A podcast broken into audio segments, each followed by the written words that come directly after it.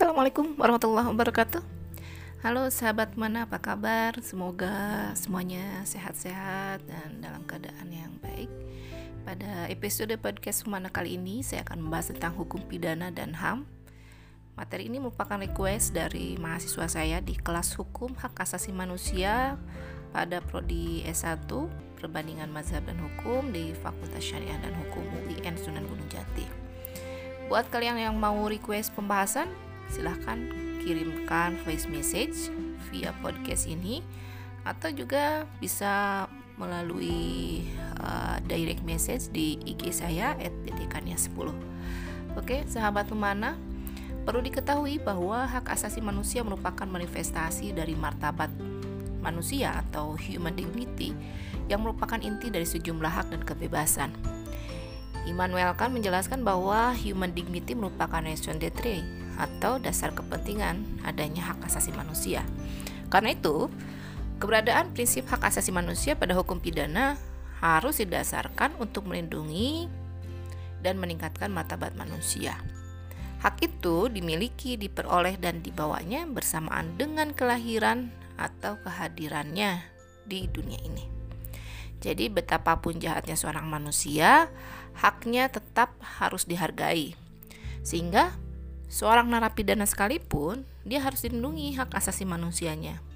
Profesor Romli Atmasasmita menjelaskan bahwa narapidana adalah manusia yang masih patut dihargai hak-hak asasinya. Dan narapidana juga harus ditempatkan sebagai subjek dalam pembinaan, bukan sebagai objek. Masalah pemidanaan sangat erat kaitannya dengan HAM karena dalam pemidanaan terdapat hak-hak tersangka atau terpidana yang dicabut sementara atau bahkan selamanya oleh negara. Misalnya, pencabutan kebebasan melalui pidana penjara maupun penghilangan hak hidup melalui penjatuhan vonis pidana mati. Dengan adanya pencabutan hak-hak tersebut, pidana mau tidak mau ini ya harus bersifat ultimum remedium dengan memperhatikan asas-asas pemidanaan yang berdasarkan hak asasi manusia. Sudikto uh, Sudikno Mertokusumo mengartikan ultimum remedium itu adalah alat terakhir. Hal ini memiliki makna apabila suatu perkara dapat diselesaikan melalui jalur lain selain hukum pidana, maka jalur tersebut yang harus dilalui terlebih dahulu. Selain itu, dalam hukum pidana diberlakukan berbagai asas yang bertujuan untuk melindungi hak asasi tersangka terdakwa. Di antaranya ada asas legalitas, asas bersamaan di hadapan hukum, asas praduga tidak bersalah, dan asas non retroaktif. Kaitan pemidanaan dengan HAM juga tampak dalam pendefinisian hukum pidana itu sendiri. Hukum pidana merupakan hukum sanksi. Definisi ini diberikan berdasarkan ciri pidana yang membedakan dengan lapangan atau disiplin hukum lain yaitu bahwa hukum pidana sebenarnya tidak mengadakan norma sendiri melainkan sudah terletak pada lapangan hukum yang lain dan sanksi pidana diadakan untuk menguatkan ditaatinya norma-norma di luar hukum pidana. Pidana secara empiris dapat merupakan suatu penderitaan tetapi hal itu tidak merupakan keharusan atau kebutuhan. Kenapa? Karena perkembangannya dengan pengaruh gerakan humanisme di Eropa, maka hukum pidana diwajibkan mempertimbangkan hak-hak seseorang yang melakukan tindak pidana. Ya karena hukum pidana yang dijalankan uh, di banyak sekali belahan dunia ini memiliki sejarah panjang dari uh, gerakan humanisme ini. Hukum pidana sejak kelahirannya bersifat mengatur dan memberikan sanksi. Diibaratkan ya sebagai pedang bermata dua. Di satu uh, di satu sisi yang melindungi kepentingan yang lebih luas dan di sisi yang lain demi kepentingan yang demikian luas itu ia juga harus memberikan sanksi yang tentu saja bersifat negatif kepada seseorang yang telah melakukan kejahatan. Profesor Barda Nawawi Arif menyatakan bahwa salah satu aspek hukum pidana yang menarik bila dibandingkan dengan hukum lain ialah bahwa hukum pidana mengandung sifat kontradiktif, dualistik, atau paradoksal. Di satu sisi, hukum pidana bermaksud melindungi kepentingan benda, hukum, dan HAM dengan merumuskan norma-norma perbuatan yang dilarang. Namun, di sisi yang lainnya, hukum pidana menyerang kepentingan hukum atau hak asasi manusia seseorang dengan mengenakan hukum pidana. Jadi ada sanksi yang diancam dijatuhkan eh, kepada si pelanggar norma. Ini merupakan sifat paradoksal dari hukum pidana. Dan kalau dilihat dalam perkembangannya uh, dalam hukum pidana itu sendiri uh, berkembang teori-teori tentang pemidanaan yang sedapat mungkin menghindari jenis atau pelaksanaan pidana yang tidak manusiawi. Di samping itu, karena kejahatan bukan uh, masalah yuridis semata, melainkan ada masalah lainnya misalnya sosial, ekonomi, maka tentunya hukum pidana dengan keistimewaan sanksinya harus diarahkan kepada tujuan yang ingin dicapai dalam pidana itu. Plato menyatakan bahwa hukum pidana sebagai penyeimbang kembali harmoni yang terganggu oleh kejahatan.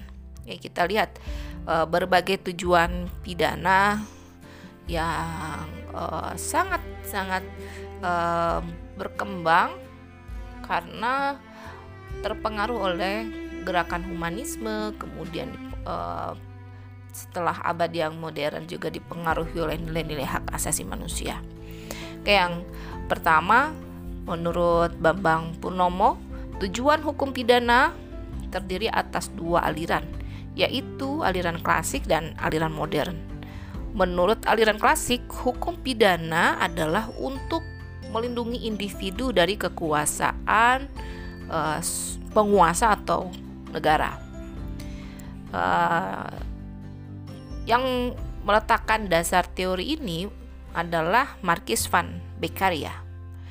Beccaria menuntut agar hukum pidana harus diatur dengan undang-undang yang harus tertulis. Jadi ada penekanan, undang-undangnya harus tertulis. Sebelum Beccaria mengeluarkan pendapat, atau bahkan sebelum dipakai pendapat Beccaria, hukum pidana yang ada di Eropa saat itu sebagian besar tidak tertulis dan terselenggara itu sesuai dengan keinginan raja.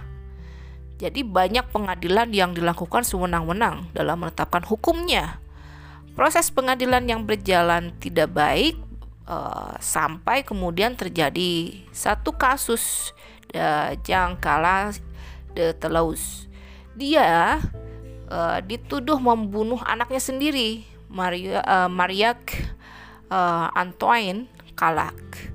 Walaupun dalam pemeriksaan Kalak tidak mengaku, karena tapi hakim tetap menyatakan ia bersalah dan dijatuhi pidana mati hasil pemeriksaan ulangan menyatakan bahwa Mari, uh, Mauriak anaknya yang kalah itu di, ternyata dia mati karena bunuh diri. Jadi pengakuan yang kalah de Talaus itu uh, ternyata benar bahwa dia tidak membunuh anaknya. Tentu saja ini membuat masyarakat menjadi uh, gempar dengan putusan pidana mati yang sudah dilakukan eksekusinya. Jadi si yang kalaknya sudah meninggal dunia baru dilakukan uh, pen, uh, penyelidikan ulang. Dan selanjutnya pemuka-pemuka masyarakat seperti ada Rousseau, ada Montesquieu, dia ikut menuntut agar kekuasaan raja dengan penguasa-penguasanya dibatasi oleh hukum tertulis atau oleh undang-undang. Tuntutan Bekaria supaya hukum pidana tetap ada dan tidak e, berubah-ubah dengan cara hukum pidana tertulis dapat terlaksana. Dan perlindungan individu guna kepentingan hukum seseorang harus dipertahankan. Setiap perbuatan yang dilakukan oleh seseorang yang oleh undang-undang hukum pidana dilarang dan diancam pidana harus dijatuhkan pidana. Walaupun memang eh, dari aliran yang klasik ini penjatuhan pidananya tanpa memperhatikan keadaan pribadi pembuat atau si pelanggar hukum. Dia tidak juga melihat sebab yang mendorong seseorang melakukan kejahatan. Jadi tidak memperhatikan etiologi kriminalnya. Ini yang ya memang berbahaya. Kemudian aliran modern. Aliran modern mengajarkan tujuan susunan hukum pidana untuk melindungi masyarakat terhadap kejahatan. Sejalan dengan tujuan tersebut, hukum pidana harus memperhatikan kepada kejahatan dan keadaan penjahat. Maksud dari perlindungan individu dari kekuasaan negara kemudian beralih dianggap sebagai tujuan untuk melindungi masyarakat terhadap kejahatan. Ini ada perubahan yang uh, sangat signifikan. Jadi bukan sekedar untuk melindungi individu dari penguasa, dari kesewenang-wenangan penguasa, tapi tujuannya kemudian kepada masyarakat supaya masyarakat terlindungi dari kejahatan. Van Bamelen menyatakan bahwa tujuan akhir hukum pidana adalah menyebutkan dan melukiskan hal-hal di mana pemerintah atas nama wewenang yang diberikan oleh masyarakat yang berhubungan dengan ketertiban, ketenangan, keamanan, perlindungan keamanan, perlindungan kepentingan tertentu, kemudian menghindarkan tindakan main hakim sendiri dari masyarakat secara perseorangan atau dari badan administrasi, serta setiap saat harus ditegakkan kebenaran. Tujuan diadakannya pidana adalah untuk mengetahui sifat dan dasar hukum pidana. Von Lis, uh, sebagaimana dikutip oleh Bambang Purnomo, menjelaskan bahwa sifat uh, pidana di dalam hukum adalah untuk melindungi kepentingan tetapi dengan menyerang kepentingan. Ini mirip dengan teori paradoksalnya Badan Nawawi, ya. Jadi salah satu di satu sisi untuk melindungi kepentingan masyarakat, tapi di sisi lain dia dapat uh, mau tidak mau menyerang kepentingan individu si pelaku pelanggaran. Pelanggaran norma ya. Berkaitan dengan pembenaran pemberian pidana, Remeling menyatakan bahwa terdapat beberapa teori Nih kita lihat lagi teori yang lain yang berdasarkan pendapatnya Remeling. Ada teori pembalasan, absolute teori, ada teori tujuan atau relatif teori, dan teori gabungan. Ada tiga teori yang kita akan bahas selanjutnya. Pertama, teori mutlak. Ini adalah teori yang membenarkan adanya pidana semata-mata hanya berdasarkan tindak pidana yang dilakukan atau karena orang berbuat kejahatan.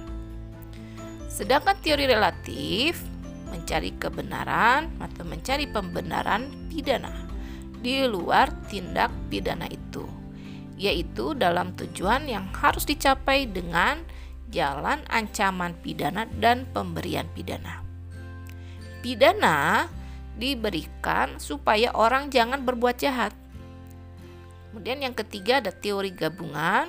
Dia menyatukan pokok pandangan mutlak dan teori relatif bahwa uh, pidana itu diberikan uh, baik karena orang berbuat uh, kejahatan maupun uh, juga karena orang karena uh, ditujukan supaya orang tidak berbuat kejahatan. Jadi ada perpaduan di antara dua teori itu, kemudian menghasilkan teori relatif. Profesor Muladi kemudian Profesor Barda menjelaskan bahwa secara tradisional teori-teori pemidanaan pada umumnya dapat dibagi dalam dua kelompok teori, yaitu teori absolut, teori relatif, kemudian teori relatif, eh, maaf teori absolut itu teori retributif, yang kedua itu teori relatif atau teori tujuan. teori absolut dia menjelaskan bahwa pidana dijatuhkan semata-mata karena orang telah melakukan kejahatan atau tindak pidana. Pidana merupakan akibat mutlak yang harus ada sebagai suatu pembalasan kepada orang yang melakukan kejahatan. Jadi dasar pembenaran dari pidana terletak pada uh, adanya atau terjadinya kejahatan itu sendiri. Adapun tujuan pidana menurut teori absolut adalah untuk memuaskan tuntutan keadilan. Hukuman dalam teori ini dikatakan retributif, pembalasan, karena hukuman itu sendiri berfungsi sebagai uh, pembayaran. Uh, maksud pembayaran itu uh, balasan ya, balasan imbalan terhadap suatu kejahatan yang dilakukan oleh seseorang.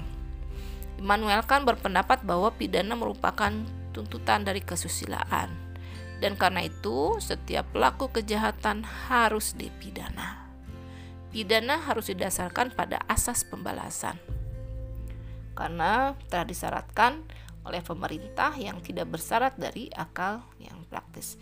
Dengan demikian, maka tuntutan pembalasan menjadi salah satu uh, syarat etis karena keadilan adanya di sana dan hanya keadilan yang dapat dituntut di sana. Kemudian, tujuan pem, uh, membenarkannya penjatuhan suatu pidana adalah untuk menegakkan keadilan itu sendiri. Teori pembalasan disebut dengan teori absolut menurut Andi Hamzah karena pidana tidaklah bertujuan untuk yang praktis, seperti memperbaiki penjahat. Kejahatan itu sendirilah yang mengandung unsur-unsur untuk dijatuhkan pidana. Pidana secara mutlak ada karena dilakukan suatu kejahatan. Ya, tidak perlu untuk memikirkan manfaat dari penjatuhan pidana. Setiap kejahatan harus berakibat dijatuhkannya pidana kepada pelaku. Kenapa? Karena menurut teori uh, retributif, pidana merupakan tuntutan mutlak, bukan hanya sesuatu yang perlu dilakukan, tetapi menjadi keharusan. Perkembangan selanjutnya dari hukum pidana adalah uh, selain tadi teori retributif dari pembelasan terhadap pelaku kejahatan juga eh, terdapat tuju, eh, teori tujuan baik untuk memperbaiki pelaku maupun sebagai upaya pencegahan kepada masyarakat. Teori tujuan disebut juga dengan teori relatif. Ia menjelaskan bahwa membidana bukanlah untuk memuaskan tuntutan absolut dari keadilan, Pembalasan itu sendiri tidak mempunyai nilai, tetapi hanya sebagai sarana untuk melindungi kepentingan masyarakat. Pidana bukan sekedar untuk melakukan pembalasan atau pengimbalan kepada orang yang telah melakukan suatu tindak pidana, tetapi mempunyai tujuan-tujuan tertentu yang bermanfaat. Oleh karenanya, maka teorinya disebut dengan teori tujuan. Dasar pembenaran adanya pidana menurut teori ini terletak pada tujuannya. Ya, pidana dijatuhkan bukan uh, sebagai karena seorang melakukan kejahatan, melainkan supaya orang jangan melakukan kejahatan. Teori yang selanjutnya, teori integratif menurut Muladi, tujuan pidana itu harus bersifat integratif dan perangkat tujuan pemidanaan bersifat integratif itu adalah untuk Eh, perlindungan masyarakat, memelihara solidaritas masyarakat, pencegahan khusus dan pengimbalan atau pengimbangan. Terakhir, teori restoratif justice atau keadilan restoratif. Teori ini merumuskan kejahatan sebagai pelanggaran terhadap orang lain atau korban, bukan terhadap negara. Sehingga pemecahan masalah, pertanggungjawaban dan kewajibannya pun dirumuskan personal dari pelaku kejahatan kepada korban. Dengan demikian, korban mendapatkan kedudukan semestinya dalam hukum pidana dan dia juga mendapatkan hak-haknya. Dalam penyelesaian perkara, masyarakat berperan aktif sebagai fasilitator. Penggunaan teori pemidanaan ini bertujuan untuk menghasilkan rumusan pemidanaan yang dapat melindungi hak-hak terpidana, korban, dan sekaligus juga melindungi masyarakat lainnya. Marian Liebman mengemukakan sedikitnya terdapat enam prinsip utama dalam keadilan restoratif, yaitu pertama prioritas pada dukungan dan pemulihan penyembuhan korban, kedua tanggung jawab pelanggar atas apa yang telah dilakukan. Tiga, adanya dialog untuk mencapai pemahaman.